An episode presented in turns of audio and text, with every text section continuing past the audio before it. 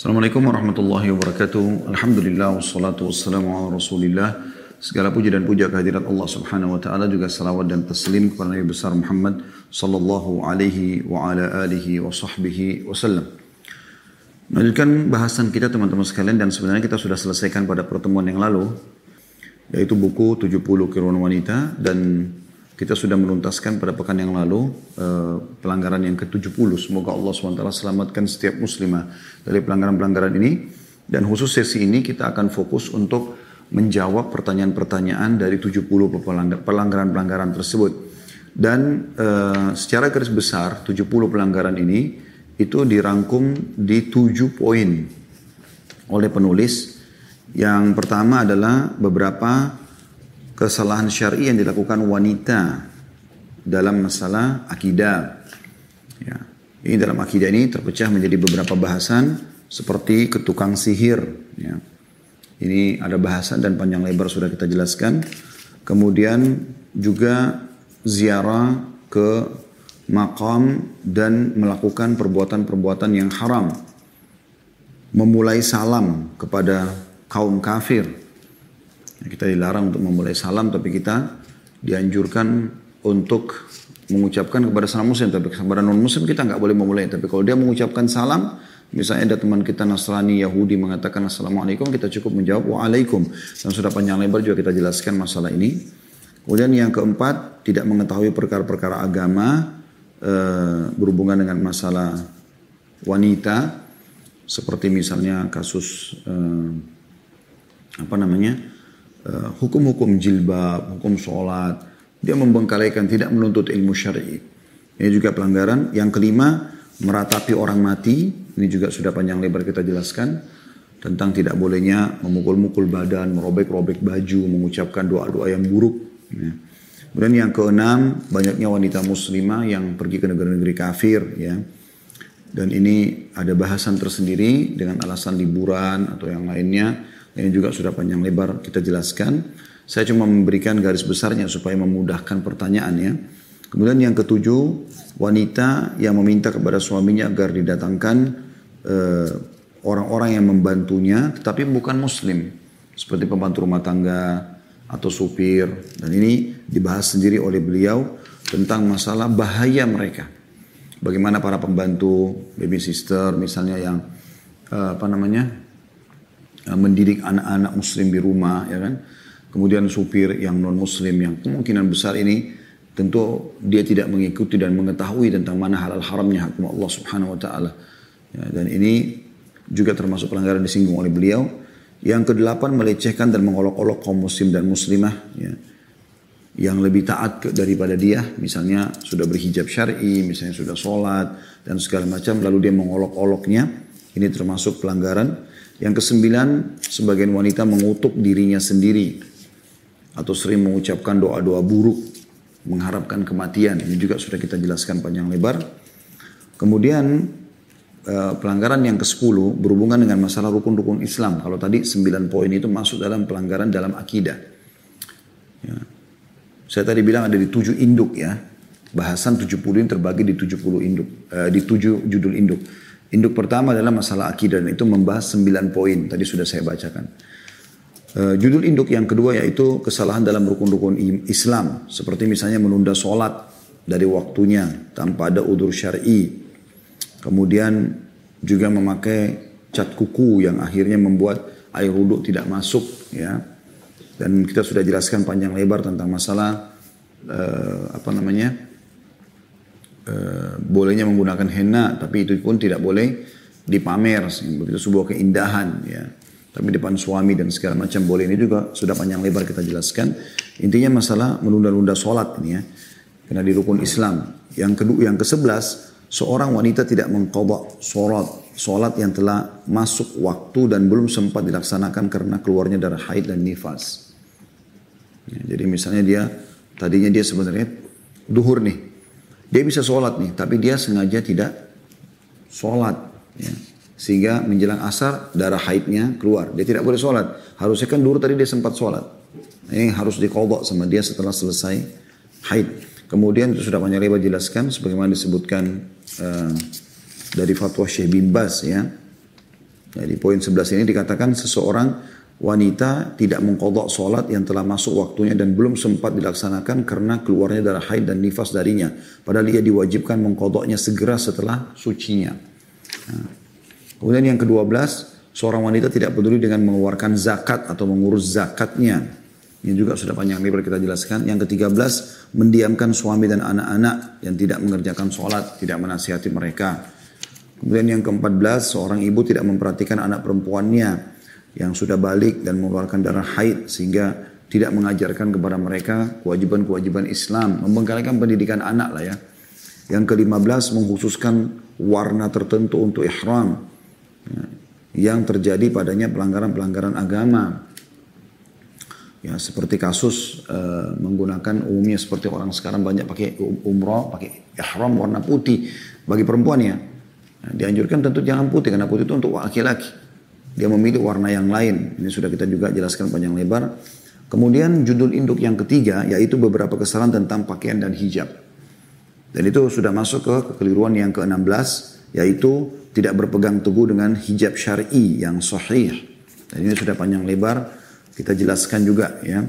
Kemudian kekeliruan yang ke-17 memakai apa yang biasa disebut dengan uh, cadar tetapi tujuannya bukan untuk menjalankan sunnah Nabi SAW tapi malah hanya kena trendy dan akhirnya menjadi fitnah yang lebih besar.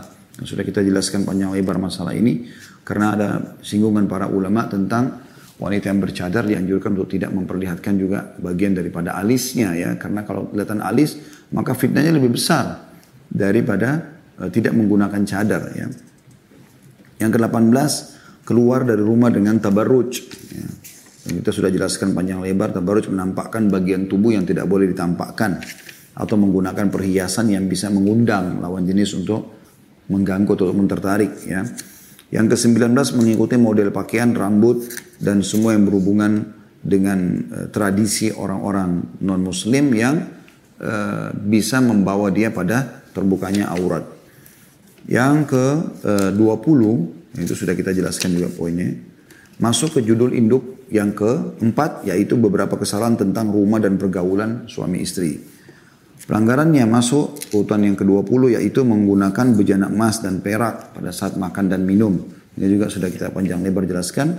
Ke-21 menggantungkan gambar-gambar berbentuk yang tidak ya, e, berbentuk atau mirip seperti bernyawa ya. Lukisan-lukisan di tembok dan segala macam. Ada patung di rumah ini sudah kita jelaskan panjang lebar. Tidak maksudnya malaikat. Kemudian yang ke-22 menentang keras poligami. Ya.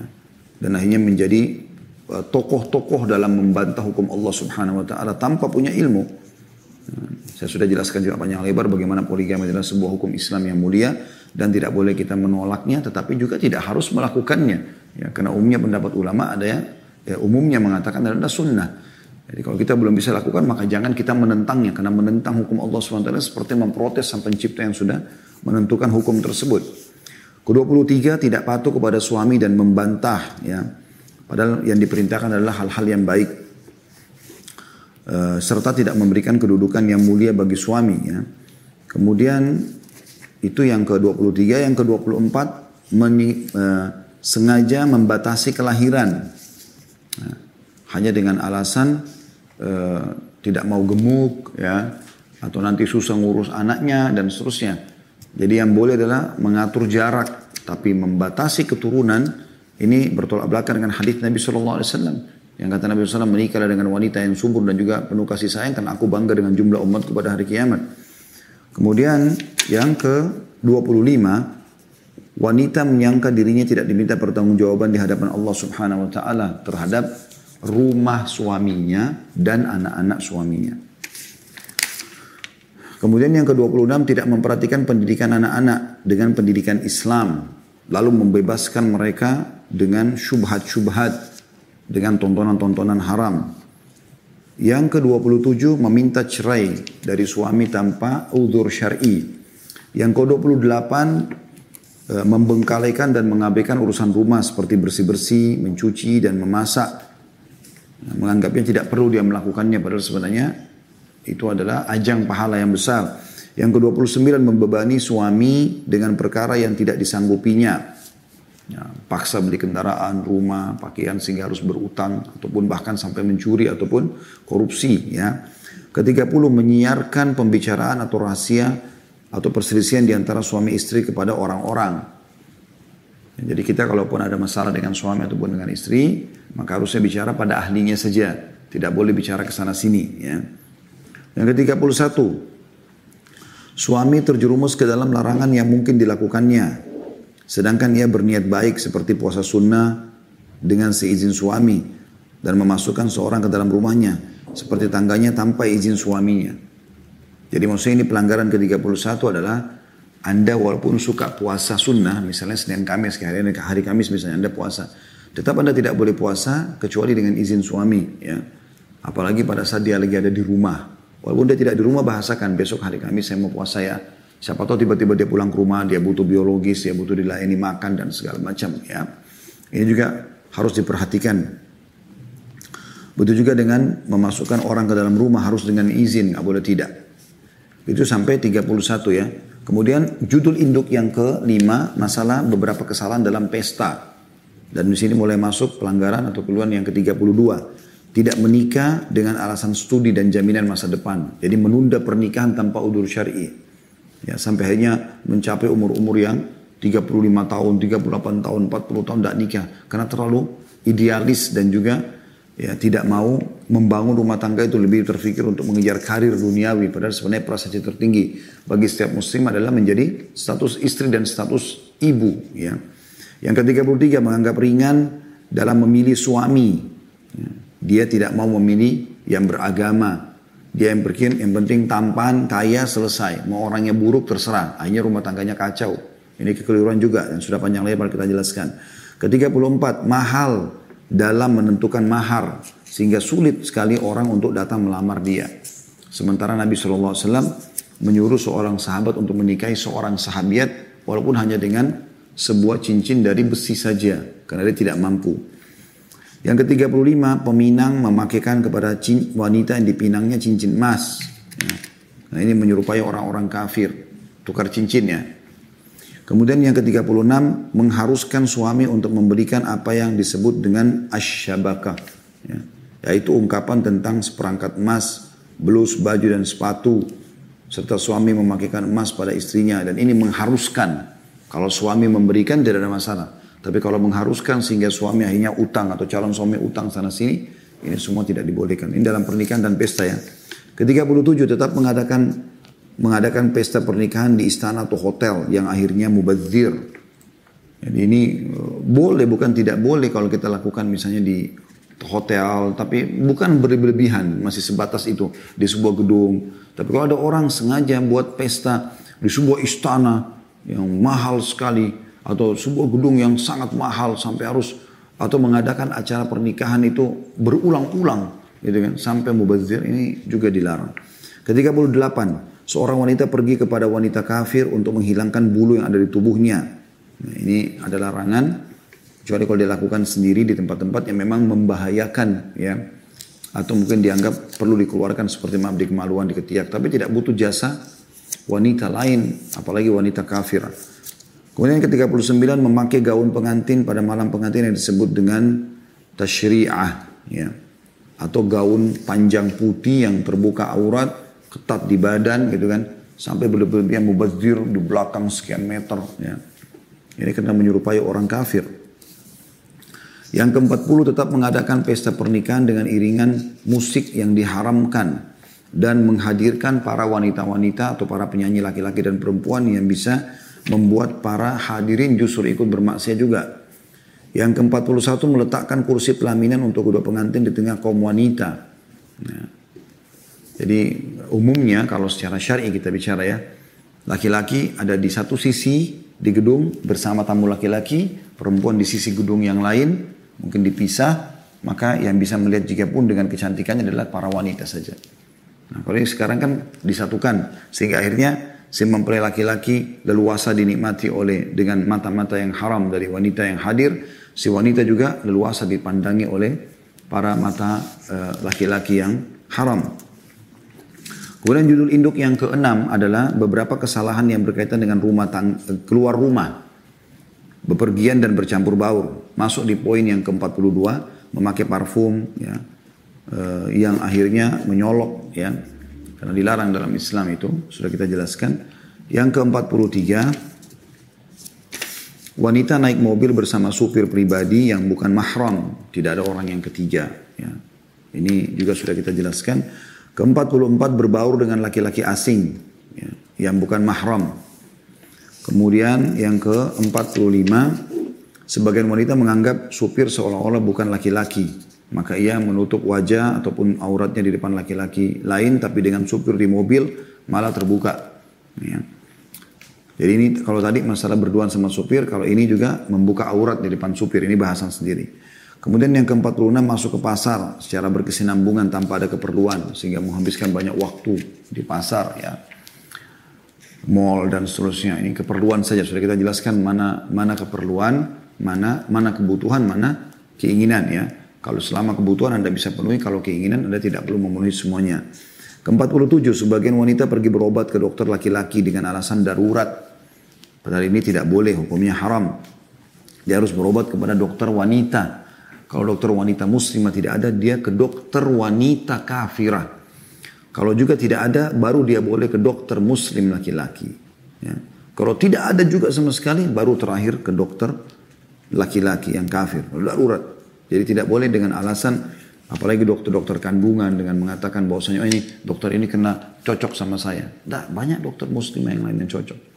Karena tidak boleh ada, kecuali ada udur syari, sudah kita jelaskan panjang lebar, karena akan membuka. Ini bukan main-main membuka kemaluan yang memang hanya suami yang boleh melihatnya. Ya, jadi ini ada bahasan sendiri sudah kita jelaskan. Yang ke-48 wanita pergi dengan tanpa mahram. Ya, musafir ya. Ini sudah kita jelaskan juga. Ke-49 wanita muslimah keluar rumah untuk bekerja tanpa ada sebab-sebab syar'i.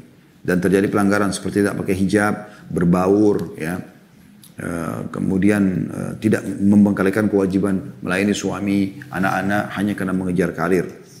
Yang ke-50 tidak bercamp tidak campur baur di arena pembelajaran. Atau terjadi campur baur, maaf. Ikhtilat di arena belajar belajar eh, proses belajar mengajar ya. Di, di kelas, sekolah dan seterusnya. Ini harusnya bisa dipisahkan. Kita bicara ini idealnya kalau ada hukum Islam. Kalau ke Indonesia memang sudah dicampur baur. Alhamdulillah sekarang sudah banyak sekolah-sekolah Islam yang muncul. Eh, anak-anak uh, perempuan dipisahkan, anak laki-laki juga dipisahkan. Itu sudah bagus ya. Kemudian judul induk yang terakhir yang ketujuh adalah beberapa kesalahan umum. Ini mulai dari pelanggaran ke-51 durhaka kepada orang tua, kemudian 52 tidak tidak menyuruh kepada yang ma'ruf, tidak melarang dari kemungkaran. Kemudian yang ke-53 uh, merajalelakan penyakit lisan di forum-forum wanita dengan gibah, dengan fitnah dan seterusnya. Yang ke-54 membuka mata untuk melihat keharaman dan tidak menundukkan pandangan dari laki-laki asing. Yang ke-55 bila seorang wanita melihat wanita eh, juga eh, maaf eh, merajalelanya gibah ya di sini dan penyakit-penyakit lisan. Ke-54 membuka mata untuk melihat keharaman. Oh ini ter, maaf ini terulang ya. Tadi udah langsung ke 56 ya wanita menyerupai laki-laki. Itu ke-56. Ke-57 melakukan sebagian keharaman yang pelakunya pantas mendapatkan laknat. Ya, seperti misalnya uh, mentato, minta ditato, mengerik alis, menipiskan dan mengerik atau atau mengerikkan alis orang lain ya, dan wanita yang merenggangkan gigi untuk kecantikan dan merubah ciptaan Allah. Ini sudah kita jelaskan juga. Ke-58 sebagian wanita dirumus dalam bentuk segala bentuk riba, utang piutang, rentenir dan segala macam. Yang ke-59 menyanyiakan waktu pada hal-hal yang tidak berguna. Yang ke-60 kesombongan, ya, sombong. Yang ke-61 e, bertutur kata yang ber, meng, ya, eh, berlemah lembut kepada kaum laki-laki. Ya, yang sebenarnya kalau kita bahasakan manja lah ya pada laki-laki yang bukan layaknya dia manja dengan orang itu. Kalau sama suami, sama ayah beda. Ya, tapi ini umumnya sama laki-laki. Kadang-kadang ada, ada wanita begitu. Kita ngomong sama dia, Seperti kita ini sudah lama kenal, seperti kita ini adalah bagian daripada hidupnya dan dia betul-betul bermanja-manja dengan intonasi suara yang diatur, yang menggoda, kedipan mata dan segala macam ini semua adalah tidak layak bagi seorang muslimah. 62. Tidak berbekal dengan ketaatan. Yang ke-63 mengikuti majalah-majalah murahan, video, tontonan-tontonan ya, dan segala macam yang akhirnya membuat dia terjerumus dalam kemaksiatan. 64 ya, itu menyemir rambut dengan warna hitam. Dan sudah kita jelaskan boleh selain warna hitam. Ya. Ke-65 menyelisih salah satu sunnah fitrah yaitu memotong kuku. Nah, ini banyak wanita tidak mau potong kukunya malah sengaja dipelihara gitu kan. Sementara dilarang dalam hadis. Yang ke-66 kagum kepada wanita-wanita kafirah ataupun ahli maksiat sehingga membuat dia akhirnya mengikuti dan menjadikannya sebagai idola. Ke-67 uh, mengambil teman-teman yang buruk. Ya. Ke-68 melampaui batas dalam berkabung atas kematian. Itu sekalian dengan 69 ya. Kita sudah berikan judul kemarin terkabung atau berkabung yang haram. Yang terakhir kita bahas kemarin adalah itu wanita-wanita yang menulis eh, artikel-artikel yang berisikan kata-kata cinta yang tidak pantas di medsos ya. Dan ini sudah panjang lebar juga kita jelaskan perkataan yang buruk yang akhirnya tersebar ya. Kurang lebih seperti itu. Nah ini ringkasan semua, tujuh induk judul, di bawahnya ada 70 pelanggaran yang sudah kita bahas. Dan saya akan baca insya Allah pada kesempatan ini pertanyaan-pertanyaan yang sudah masuk berhubungan dengan tema-tema kita atau yang kita bahasan tadi. Saya akan fokus lebih banyak membaca pertanyaan yang masuk dari teman-teman sisa insya Allah. Baru kemudian saya akan buka di medsos kita karena ini adalah pengajian mereka. Yang pertama, Assalamualaikum warahmatullahi wabarakatuh. Bagaimana hukumnya anak gadis remaja uh, anak gadis remaja saya mewarnai rambut misalnya coklat bukan untuk tabarruj di hadapan umum karena anak saya berhijab tapi hanya ingin saja tampil berbeda boleh tidak ada masalah ya. tentu di sini dia menggunakan warna itu yang penting jangan warna hitam sudah kita jelaskan dan memang boleh saja tidak ada masalah jadi tidak harus tunggu uban baru diwarnai ya. dan ini sudah panjang lebar kita jelaskan Eh, fatwa-fatwa para ulama berhubungan dengan masalah itu. Insya Allah nanti Anda akan bisa kembali ke playlistnya YouTube. Ya, bisa ditemukan kajian buku ini. Insya Allah uh, di poinnya. Jadi tidak ada masalah insya Allah ya. Yang penting jangan warna hitam. Dan jangan dengan habis semi rambut terus kemudian dia keluar tanpa berhijab. Nah ini jadi pelanggaran agama. Tapi umumnya mewarnai rambut selain warna hitam boleh. Ya. Laki-laki ataupun perempuan. Ya. Kemudian selanjutnya Assalamualaikum warahmatullahi wabarakatuh, saya baru belajar sunnah dan mau bertanya tentang adab berjilbab. Saya melihat jika di Mekah Madinah banyak muslimah yang menggunakan gamis lebar, sementara jilbabnya hanya pendek sampai dada saja, atau hanya dengan scarf yang melilit. Sementara di Indonesia, jika tidak menggunakan hijab lebar, meski sudah menggunakan gamis longgar, masih dianggap belum syari. Mohon penjelasannya Ustaz. Jadi begini, uh, tolok ukurnya bukan individu yang ada di Mekah sama Madinah. Tapi tolok ukurnya adalah syariat Allah subhanahu wa ta'ala. Kalau kita jadikan patokan Mekah sama Madinah, Anda kalau biasa umroh ataupun haji, Anda tidak asing melihat ada orang sholatnya justru bahkan aneh. Tidak sesuai dengan sunnah. Ya, kan? Banyak terjadi, karena di sana orang banyak sekali yang uh, hidup berbaur ya dengan uh, apa namanya Eh, dari berbagai macam pemahaman lalu masuk di sana, sholat. Makanya, jadi bukan itu tolak ukurnya. Saya sering kali temukan banyak orang yang sholatnya salah. Padahal sholat di Masjid Haram Mekah. Sholat di Masjid Nabawi. Hmm. Itu terjadi. Bahkan bukan tolak ukur individunya. Walaupun ada di Mekah sama Madinah. Tapi syari'inya, syariatnya. Memang syariatnya adalah kita yang juga menggunakan hijab yang besar. Dan di Indonesia, Masya Allah, Tabarakallah, ini satu ide yang sangat bagus dengan memperbesarkan jilbab. Jadi lebih terlindung kan tujuannya pakaian itu sebenarnya membuat agar in, ibu atau ukhti kita selamat dari fitnah. Tujuannya itu. Itu yang Allah sebutkan dalam Al-Quran. Zalika adna alla yu'zain. Tujuan utama hijab adalah supaya mereka tidak diganggu. Ya, itu. Orang kalau sudah pakai jilbab besar, tertutup, kemudian juga dia menutup uh, wajahnya bahkan orang juga bingung untuk mengganggunya gitu kan. Sudah banyak lebar kita jelaskan tentang masalah hikmah-hikmah hijab. Ada buku pernah saya anjurkan kecilnya seperti ini kurang lebih. Bahkan lebih tipis judulnya, Wahai muslimah apa yang menghalangimu untuk berhijab. Saya sarankan waktu itu dibeli. kemudian disebarluaskan ya, supaya memang insya Allah dengan itu siapa tahu ya dari 100 buku yang kita sebarkan mungkin satu dua orang berhijab kita justru panen pahalanya ya. Jadi kalau cuma jilbab yang dililit-lilit itu dikhawatirkan tetap aja terbentuk walaupun bajunya gamisnya lebar. Ada sebagian wanita yang memang Allah subhanahu wa ta'ala berikan dia bagian dada misalnya besar. Sehingga membuat dia kalau cuma pakai jilbab kecil pasti akan terlihat terbentuk lengkukan itu kan? Dan seterusnya. Ini jadi jadi fitnah tersendiri. Cobalah e, begini kalau mau lebih lebih pasti.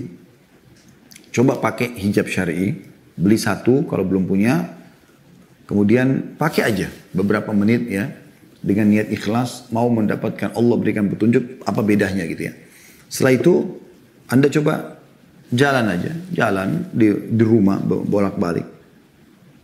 Atau mungkin Anda jalan di depan anak mahram. Kemudian setelah itu Anda ganti dengan jilbab kecil itu, kemudian Anda coba pakai. Anda pasti akan beda. Akan merasakan beda sekali. Perbedaan itu terasa. Jadi Allah SWT mengatakan walibasut taqwa dzalika khair. Pakaian yang bertakwa itu yang memang lebih cenderung kepada kehati-hatian itu jauh lebih baik.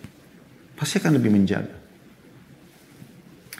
Selanjutnya, yang ketiga, Ustaz saya suka menyenangkan hati mertua dengan bilang, Alhamdulillah kita semua sehat berkat doa eyang. Alhamdulillah kakak sudah lulus kuliah berkat doa eyang. Apa itu menyalah, menyalahi tauhid kita? Jazakallah khair. Tidak tentunya. Kalau emang selama ini Anda sudah mengatakan pada saat anak mau ujian, pada saat lagi telepon Anda mengatakan jangan lupa doain kami ya. Terus beliau mengatakan iya semoga insya Allah urusannya dimudahkan. Kami memang sudah didoakan. Dan ternyata memang betul anak itu lulus atau kita memang terjaga dari segala macam fitnah. Alhamdulillah dalam satu tahun kita nggak ada cobaan segala macam. Dalam arti kata kita aman-aman saja tentram. Alhamdulillah. Boleh kita ucapkan itu. Dan insya Allah tidak mengganggu uh, tauhid ya. Karena doa, masalah doa-doa kepada Allah subhanahu wa ta'ala. Selanjutnya setelah bismillah, agar menjaga hati saya mulai membatasi pergaulan meski dengan teman muslimah. Apakah saya salah Ustaz? Tidak, tidak salah. Membatasinya nggak salah. Yang tidak boleh itu kalau Anda mengurung diri eksklusif, tidak bergaul sama siapa pun. Kata Nabi SAW, orang mukmin yang berbaur dengan orang, dengan gangguan-gangguan mereka, masa hidup di tengah-tengah masyarakat, suka dukanya ada.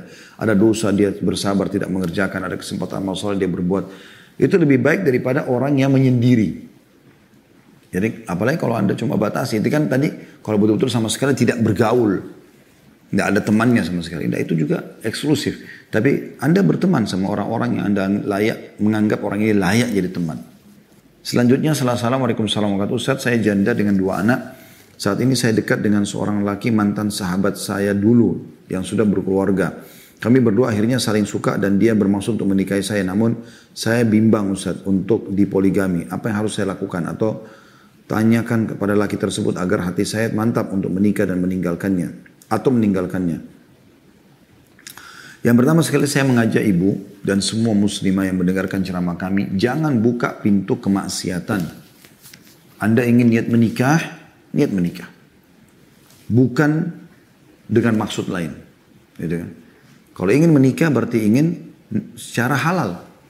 Maka pertemuan, interaksi, apalagi kalau sampai jauh ya, ya ke bab keciumannya, ke zinanya itu sama sekali udah nggak boleh, gitu kan? Supaya nanti pada saat anda bangun pernikahan itu berkah. Karena banyak orang subhanallah membangun rumah tangga dimulai dengan kemaksiatan. Nah, ini bahaya sekali akan berbahaya dalam rumah tangga akan sering terjadi pertengkaran akan akan akan karena banyaknya dosa-dosa tersebut ya. Oleh karena itu lebih baik dihindari poin itu.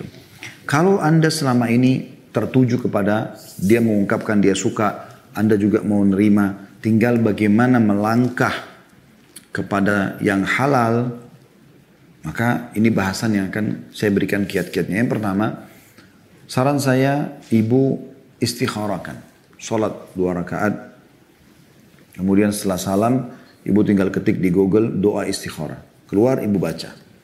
Kan maknanya bagus sekali itu. Potongan-potongan akhirnya itu berbunyi, Ya Allah, kalau seandainya perkara pernikahanku sama fulan ini, di situ biasanya ditulis dalam kurung sebutkan namanya. atau sebutkan permasalahannya gitu. Baik untuk ya diriku, agamaku, duniaku, akhiratku, mudahkan berkahi. Kurang lebih seperti itu maknanya ya. Dan kalau dia buruk untuk semua itu tadi, urusan agamaku, duniaku, akhiratku, maka alihkan aku dari dia, alihkan dia dari aku, dan tentukanlah yang terbaik untukku, serta buatlah aku menerimanya. Istikharah aja terus. Kalau memang laki-laki ini baik buat ibu, Allah akan mudahkan jalannya. Kalau memang e, buruk, maka Allah akan putuskan aja tidak ada jalur ke situ. Yang pertama. Yang kedua, berpoligami, usahakan poligami yang sehat. Dalam arti kata, poligami sehat itu memang poligami yang bisa menjalankan syariat Allah Subhanahu wa taala. Seperti misalnya transparansi ya dalam pernikahan. Jadi istri ini tahu kalau ada istri yang ini, ya istri ini tahu kalau ada yang ini gitu ya, bukan disembunyi-sembunyi gitu. Dan itu kecuali memang di awal mungkin nanti butuh proses itu berbeda itu itu bahasanya itu istihad tapi yang saya bahas adalah idealnya harusnya saling tahu supaya memang jelas juga hak masing-masing gitu kan. Kemudian juga dari awal ada akad-akad yang jelas. Kalau misalnya memang dia hanya bisa bertemu dengan ibu misalnya sepikan sekali. Nah ini ibu pertimbangkan kalau ibu menganggap oh iya nggak apa-apa begitu ibu mengatakan iya nggak masalah misalnya dia dengan istri yang ada sekarang berarti enam hari dan anda sehari, anda sudah setuju maka berarti berjalan seperti itu. Ibu nggak boleh ubah lagi nanti. Kecuali ibu cuma nego sama dia baik-baik kemudian nanti dia iakan gitu ya. Jadi itu tergantung kata, Nabi, kata Nabi SAW al muslimin ada syuruthim. Orang muslim sesuai dengan setiap muslim sesuai dengan syarat yang disepakati. Ya. Jadi dari awal dibicarakan. Anda bawa anak dua. Ini anak-anak saya bagaimana statusnya. Ya. Walaupun itu adalah tanggung jawab ayah kandungnya dalam nafkah, tapi anak-anak ikut sama saya. Mereka akan ikut di rumah, mereka akan ikut makan, bagaimana dengan nafkahnya dan seterusnya. Jadi ibu sudah punya poin-poin yang ibu bisa jadikan pegangan pada saat melangkah menikah. Ya. Sehingga apa pun yang ibu membuat ibu ragu, ibu boleh bertanya. Tapi ingat pertanyaannya tanpa ada pelanggaran syari. Nah, itu bagus. Lebih bagus lagi kalau misalnya memang bisa ada pertemuan dengan istrinya, bisa ngobrol, bisa memang ini adalah uh, memang sama-sama lah ingin membangun menjadi itu lebih bagus. Tapi kalau tidak pun maka tergantung kesepakatan dengan si suami yang penting benar.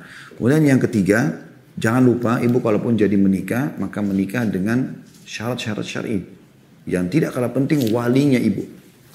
Karena banyak orang Indonesia salah faham mengatakan janda boleh menikahkan dirinya tanpa wali. Ini nggak benar. Pendapat jumhur ulama mengatakan walaupun janda tetap wajib ada walinya ada wali pernikahan, dia menikahlah dengan cara syar'i. Gitu. Insya Allah mudah-mudahan kita harapkan itu keberkahan. Kemudian yang keempat yang terakhir, ya, usahakan kalaupun Allah sudah mudahkan menikah lagi, jangan dirusak rumah tangga itu. Karena syaitan akan datang membuat gemuruh dalam kehidupan poligami seperti itu biasanya. Dibuat cemburu pada istri yang lain, dibuat uh, menyusahkan suami dengan cara menghitung setiap detik, kalaupun dia telat sedikit, ini mengacaukan rumah tangga. Kalau sudah dari awal seperti itu, jangan. Ya, Ummu Salamah radhiyallahu anha mengatakan kepada Nabi SAW, ya Rasulullah saya cemburuan. Doakan saya supaya ini tidak ada. Maka Nabi SAW doakan. Karena ini kalau cemburu buta berbahaya sekali. Tidak akan bisa jalan, apalagi ini poligami. Ini harus lebih hati-hati. Tapi insya Allah kalau anda ikhlaskan niat, karena tidak selamanya orang poligami itu tidak negatif. Enggak, bisa saja memang mungkin kebahagiaan ibu di situ. Mungkin memang dengan suami yang sudah mapan seperti itu. Karena rata-rata laki-laki yang sudah berumah tangga itu kan mapan. ya Mungkin mapan ekonomi, mapan pikiran. ya Apalagi kalau sudah di atas 40 tahun, ya 45 tahun. Ini sudah umur-umur bijaksana. 50 tahun ini umur-umur yang laki-laki. Makin laki-laki itu makin berumur, itu makin bijaksana, makin dewasa ya, makin bisa mengontrol emosi. Itu lebih baik dibandingkan yang masih muda-muda yang kadang-kadang ya lebih terbawa kepada emosional ya. Baik selanjutnya Ahsanallah ilaikum Ustaz, Allahumma amin. Sama-sama insya Allah. Bagi teman-teman yang tidak ngerti bahasa Arab, artinya semoga Allah membalas kebaikan gitu ya, kurang lebih maknanya. Anak memiliki anak bungsu remaja perempuan yang sudah balik, namun mereka sampai saat ini belum mau berhijab atau berjilbab kecuali ke pengajian atau sekolah. Bagaimana Anda menasihatinya Ustaz? Apakah boleh Anda memaksa dan menghukumnya. Apakah anda berdosa? Mohon nasihatnya Ustaz. Boleh. Karena ini sudah sampai pada hal yang wajib. Ibu wajib memastikan itu. Kalau mereka tidak mau, ibu hukum. Hukumannya dengan cara menahan fasilitasnya. Handphone disita, ya, tidak boleh pakai fasilitas kendaraan. Jadi fasilitasnya disita. Kecuali dia melakukan itu. Tapi saran saya, sebelum ke vonis hukuman, ibu coba gunakan dulu retorika nasihat. Ya. Karena Allah SWT mengatakan, Udu'u ila sabi rabbika bil hikmah. Berdakwahlah engkau ke jalan Tuhanmu dengan cara hikmah. Hikmah itu meletakkan sesuatu pada tempatnya. Jadi ibu coba gunakan dulu kata-kata nasihat yang baik, hikmah. Sebutkan tentang keutamaan berhijab. Kan banyak artikel tinggal diketik di Google keluar semua keutamaan berhijab, anjuran berhijab. Nah kalau setelah kita lakukan itu, menasehati, memberikan masukan, kemudian kita berikan hadiah, jilbab, kita praktekin sama-sama pakai, mungkin ibu beli kembar sama dia gitu kan, e, mereknya, mungkin ada e, anak-anak remaja yang sudah pakai ada gambarnya bisa diperlihatkan ini seperti ini ini bagus nah gini-gini kan? Nah kalau dia sudah pada tahap yang pertama berhasil alhamdulillah. Kalau belum berhasil ibu boleh masuk ke ancaman. Ancaman ini sebelum tadi fonis itu adalah ancaman tentang orang yang tidak berhijab. Nah ini juga ibu tinggal baca artikelnya. Ibu ketik di google ancaman orang yang tidak berhijab. Seperti apa sih hukumannya? Nah, kita belajar dan kita bacakan. Nah, ada ini loh, nah, ada ini, nah, ada ini, nah, ada ini. Tidak akan penjelasan. Kalau juga dia tidak mau, maka apa boleh buat? Ibu sekarang masuk ke tadi yang terakhir, fonis. Nah, fonis hukuman ini bukan berarti dengan memukul fisik ya. Tapi kalau saran saya lebih kepada menahan fasilitas. Karena sebenarnya anak-anak itu bergantung sekali dengan fasilitas orang tuanya. Sangat bergantung. Kalau anda tahan fasilitas tersebut dan anda tidak memberikan fasilitas ataupun sebuah reward atau hadiah kecuali diikuti dengan prestasi agama kayak berhijab, sholat lima waktu, menghafal beberapa ayat Al-Quran dan seterusnya itu bagus. Ya. Saya pernah diminta oleh anak-anak, anak-anak saya masih kecil-kecil, abati abati kami mau pergi ke sini gitu kan, mau satu tempat, mau bermain. Maka saya mengatakan boleh, tapi dengan syarat harus bisa menyetor satu juz Al-Quran. Akhirnya mereka mulai duduk sama saya itu, mulai muraja dari surah An-Nas dari 114, surah Al-Falaq 113, surah Al-Ikhlas ya 112, terus begitu, mundur ke, ke belakang ya. An-Nasr terus Al-Kafirun sampai ke atas ya. Kita coba. Nah, Alhamdulillah dengan kita ternyata uh, supaya apa yang kita berikan itu Bu punya nilai di dia. Jadi kita hubungkan apa yang akan kita berikan pada dia dengan prestasi ini. Insya Allah bisa. Ya.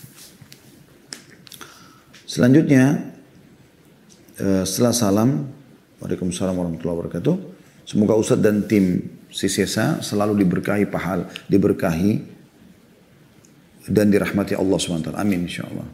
Saya ingin menanyakan saya harus bagaimana menanggapi teman kantor yang yang sedang bergosip. Saya tidak menanggapi tapi kedengaran mereka bergosip di ruang kerja saya suka membicarakan orang lain di jam kerja dan gak mungkin saya keluar ruangan ketika jam kerja. Jika saya menegur saya tidak enak karena rekan kerja saya lebih tua daripada saya. Jazakumullah khairan. Pertama sekali kemungkaran harus dipungkiri dan ini harus kita biasakan, dihidupkan ini. Harus kita hidupkan suasana amar ma'ruf nahi mungkar teman-teman sekalian. Tidak boleh kita biarkan. Jadi ibu jangan merasa tidak enak sama teman karena itu kan kerja lebih tua terus kita tidak nasihatin. Enggak. Justru kalau kita menjadi teman yang baik, partner bisnis, partner kerja, pasangan hidup, ya, semua itu ya, orang tua, anak, yang baik adalah yang selalu mengingatkan kebaikan. Mengingatkan atau memberikan dukungan pada kebaikan dan mengingatkan pada saat kita melakukan kesalahan. Jadi mungkin ibu tinggal retorika yang baik. Misalnya ibu ambil artikel tentang masalah giba, lalu ibu kirim ke WA-nya dia. Oke, okay, eh, Mbak, tolong dibaca ya. Ada tadi saya kirim WA. Saya cuma ingin berbagi saja. Nah, jadi ibu tidak menegur depan orang ya. Mungkin dia baca artikel tersebut. Siapa tahu subhanallah Allah sentuhkan hatinya dia dapat hidayah. Kemudian dia banyak bertanya pada ibu kan. Kenapa sih memang tadi itu masuk gosip ya? Ya karena ini dan ini dan ini itu ancamannya berat dan segala macam. Apalagi ini di lingkungan kita sama-sama di kantor. Siapa tahu kan begini. Orang itu kan tadi dari tidak tahu menjadi tahu kan. Ya. Dan seperti ibu sendiri misalnya ibu sudah tahu ternyata oh gibah itu dosa besar. Lalu kemudian ibu tinggalkan. Kenapa? Karena ibu punya ilmunya. Ilmu syar'i ini bicara dengan hati manusia. Kalau kita sampaikan itu berbicara dengan hati. Kuasa Allah SWT wahyu ini bicara dengan hati manusia. Sebagaimana kita sekarang menyampaikan ini, Bapak Ibu merenungi kan. Tersentuh dalam hati apa yang kita bahas. Oh iya ternyata ini. Oh ternyata begitu ya. Nah itu semua adalah uh, ilmu. Ilmu syar'i yang benar akan seperti itu. Akan memandu manusia kepada kebenaran. Siapa tahu dia berubah subhanallah. Sambil ibu doakan tentunya ya. Semoga diberikan hidayah. Itu saran saya. Selanjutnya setelah Assalamualaikum warahmatullahi wabarakatuh. Apakah rumah tangga yang terkena pernah terkena musibah perselingkuhan itu bisa disebabkan karena dosa-dosa kita atau harta haram yang pernah kita makan? Bisa, bisa juga tidak. Bisa juga memang karena dasarnya si pelaku ini buruk, memang ahli maksiat, gitu kan. Atau bisa juga memang karena adanya dosa-dosa yang lainnya. Yang akhirnya terbuka pintu-pintu dosa yang lain seperti pendapatan haram juga memang itu. Subhanallah ini ini kayak kayak satu paket ya uang haram, korupsi, uh, sogok menyogok, mencuri, manipulasi. Subhanallah itu pasti ini arahnya juga ya.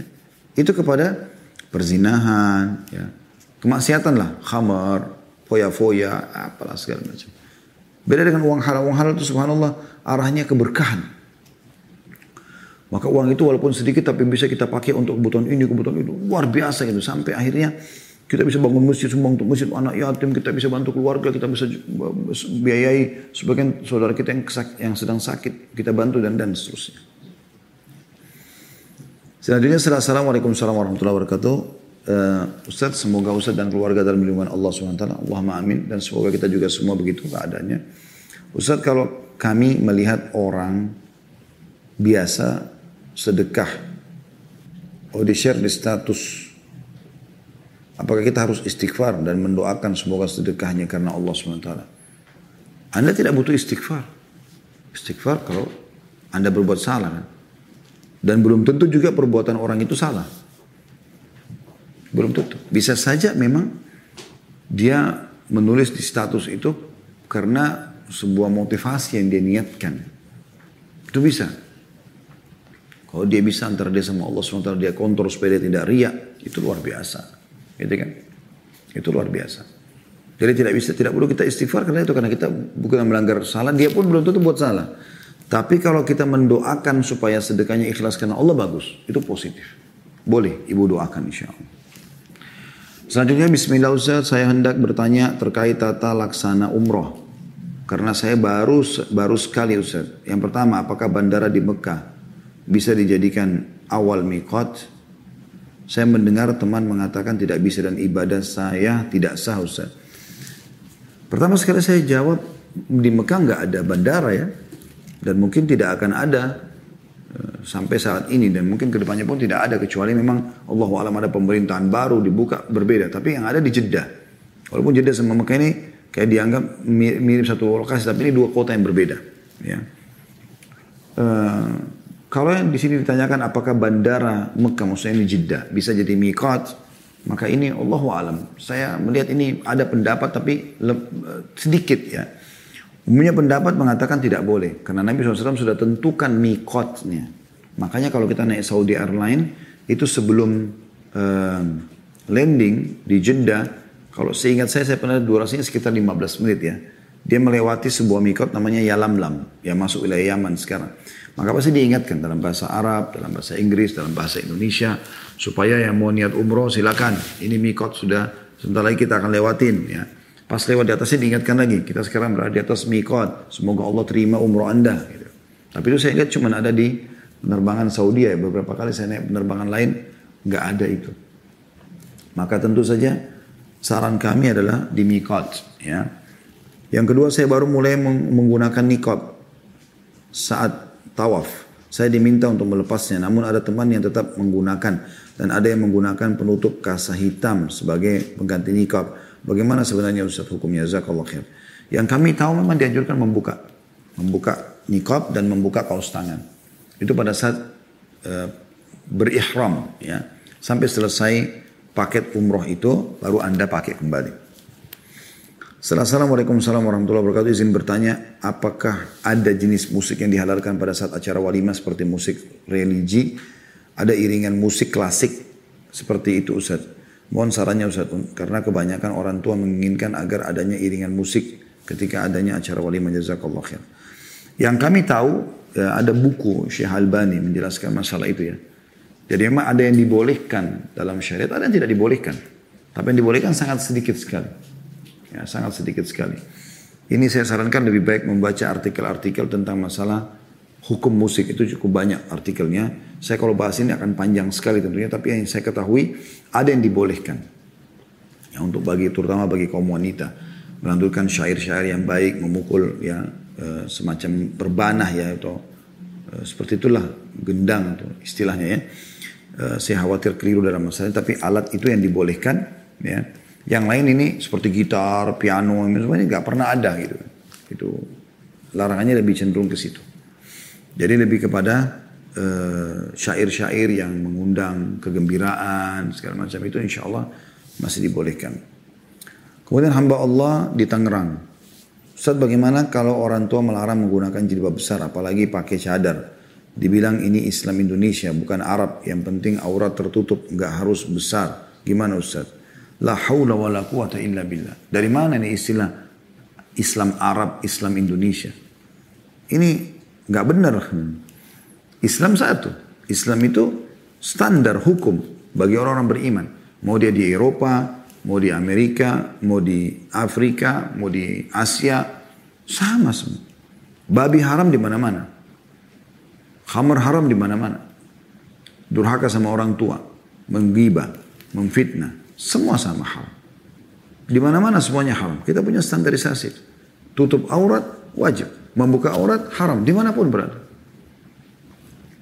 Kalau masalah bahasa itu dulu ya tentang ini Islam Indonesia dan seterusnya.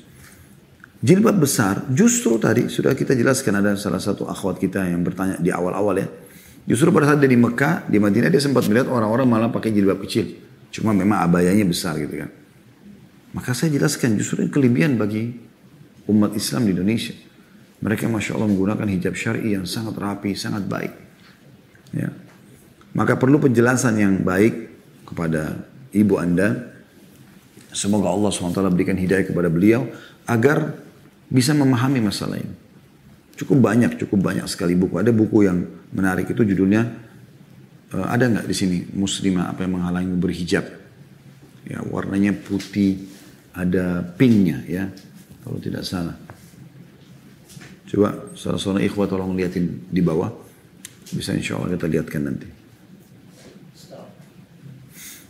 Jadi mungkin bisa dijelaskan nanti ke ibu setelah membaca buku, membaca artikel tentang masalah wajibnya menutup aurat dan tutup aurat itu memang betul-betul ada tujuan syar'i supaya tidak terganggu, supaya tidak terbentuk aurat uh, tubuh ya. Selanjutnya setelah Assalamualaikum warahmatullahi wabarakatuh Muhammad Azri Khairuddin laki-laki 20 tahun dari Jakarta mahasiswa apakah mendapatkan uang saku dari beasiswa organisasi catur itu haram?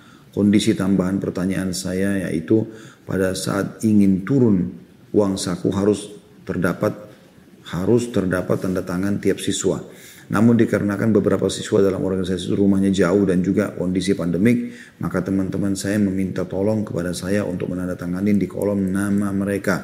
Dikarenakan rumah saya paling dekat dengan tempat pengumpulan absensi agar uang saku tersebut bisa turun. Bagaimana akan hal ini Pak Ustadz? Apakah uang saku yang saya terima itu halal atau haram mohon Dan semoga Allah menjaga dan memberkahi Pak Ustadz. Ini sebenarnya uh, tergantung pendapat siapa yang sedang dipegangi ya. Kalau saya termasuk orang yang berpegang pada pendapat untuk catur tidak dilakukan. Ya. Karena sudah berapa kali saya ulangi nama masalah itu yang dianggap itu adalah strategi perang itu nggak benar gitu kan. Walaupun ada pendapat sebagian orang ya yang mengatakan itu adalah boleh-boleh saja mubah, tapi saya cenderung pada pendapat yang tidak membenarkan itu. Oleh karena itu lebih baik dihindari. Ya, lebih baik dihindari. Allah alam. Itu yang pertama. Yang kedua berhubungan dengan masalah menandatanganin buat teman-teman. Jadi tanya lembaga itu. Sekarang kalau saya, teman saya tidak bisa hadir. Lalu saya diminta untuk mewakili tanda tangannya. Boleh enggak? Misalnya diwakili tanda tangan. Itu di Indonesia kalau salah ada peraturannya kayak ada surat kuasa gitu ya. Seperti itu. Nah itu kalau tidak ya jangan. Jangan sampai seperti itu. Karena bisa saja kalau dia tidak menjalankan kewajiban-kewajiban untuk mendapatkan beasiswa tersebut, maka tentu saja ini bermasalah. Jadi lebih baik negosiasi sama lembaga tersebut kira-kira seperti apa ya uh, solusinya. Ya ini ada bukunya yang saya bilang, wahai ukhti kenapa engkau tidak berjilbab ya? Harumnya surga tidak akan tercium oleh mereka yang tidak istiqomah dengan syariat Allah. Harganya murah sekali, mungkin cuma 10 ribu rupiah atau maksimal 15 ribu rupiah. Yang saya bilang sering beli, ya baca dulu, kemudian beli, ya dan sebarluaskan. Yang terakhir insya Allah uh, yang kita bahas uh, dua ya pertanyaan dari Ananda Laras yang masya Allah rutin sama kita dari Malang. Assalamualaikum warahmatullahi wabarakatuh. Semoga Allah merahmati Ustaz. Allahumma amin dan kita semua insya Allah. Terima kasih atas ilmunya. Afwan izin bertanya, apakah boleh orang tua saya memberikan HP di bawah usia 13 tahun? Karena teman-teman saya sudah banyak yang mempunyai HP sendiri. Dan apakah kalau memberikan HP tersebut termasuk kekeliruan? Jazakallah khair. Tidak, boleh saja. Tidak bukan kekeliruan, boleh saja. Tidak ada masalah. Apalagi sekarang anak-anak e, memang harus online ya kalau sekolah harus juga mengikuti perkembangan. Yang penting Ananda Laras nanti bisa menjaga itu sebagai amanah. Karena handphone ini bisa menjadi sebuah sumber informasi, perpustakaan berjalan. Dan bisa menjadi penyebab banyaknya pahala yang kita bisa dapatkan dengan men-share ilmu agama, ya, eh, dengan bersedekah, dengan misalnya transaksi online dan seterusnya. Atau memang bisa menjadi sumber musibah, dosa. Karena banyaknya pintu-pintu dosa yang bisa dibuka dari handphone tersebut. Jadi insya Allah tidak keliru. Yang keliru itu kalau orang tua sengaja memberikan handphone kepada anaknya lalu anaknya bermaksiat di situ dan dia tahu bahkan dia suruh. Nah itu yang keliru. Tapi kalau digunakan untuk kebaikan, untuk belajar, untuk ilmu, untuk mendapatkan informasi dan segala macam, insya Allah tidak masalah. Yang terakhir Ustaz, Assalamualaikum warahmatullahi wabarakatuh. Akhir-akhir ini saya sangat mudah marah. Hal kecil saja bisa membuat saya kesal dan susah menahan marah. Bagaimana agar saya bisa lebih sabar Ustaz? Apakah ada amalan atau doa agar saya lebih sabar jazakallah khair. Pertama sekali berdoa kepada Allah Subhanahu wa taala supaya Allah hilangkan penyakit dalam hati termasuk marah tanpa sebab. Marah bukan tidak boleh, tapi marah itu hanya dibolehkan kalau uh, apa namanya? Uh, pada pelanggaran agama. Nabi SAW dikatakan marah itu kalau terjadi pelanggaran agama. Bukan tidak ada pelanggaran agama seperti itu. Ya. Jadi nggak boleh orang emosional sembarangan. nah ini poin penting yang harus difahami. Ya. Kemudian langkah selanjutnya adalah ada hadis Nabi SAW yang berbunyi kalau kau sedang marah dan engkau sedang berdiri duduklah. Kalau engkau masih marah berbaringlah. Kalau engkau masih marah beruduklah. Karena sumber itu dari syaitan dan itu akan menghilangkannya. Jadi itu bisa kita lakukan kiat-kiatnya. Dan yang terakhir selain berdoa, selain melakukan tadi kiat-kiat itu, ubah posisi lah ya. Yang ketiga, kontrol. Pada saat mau marah kita kontrol. Dan kita harus tahu kenapa saya marah. Kalau secara agama boleh misalnya contoh, eh, kita marah karena terjadi pelanggaran agama tadi. Maka tidak ada masalah. Seorang suami marah pada istrinya karena tidak berhijab. Atau orang tua pada anaknya karena anaknya melanggar agama. Atau teman sama temannya. Atau atasan sama bawahan. Atau guru sama muridnya. Itu boleh saja. Kalau terjadi pelanggaran agama. Tapi kalau marah tanpa sebab nggak boleh. Makanya pernah ada ada seorang anak muda datang dan mengatakan ya Rasulullah wasiatkan saya. Seakan-akan dia mengatakan ya Rasulullah coba sampaikan kepada saya apa yang membuat saya bisa bahagia hidup. Kata Nabi SAW jangan kau marah. Dia bilang apa lagi ya Rasulullah? Supaya saya tenang hidup nih. Kata Nabi SAW jangan kau marah. Apa ya Rasulullah jangan kau marah. Tiga kali Nabi SAW ingatkan. Karena emosi itu membuyarkan ide. Membuat raut wajah berubah. ya Dan akhirnya kita juga tidak terkontrol.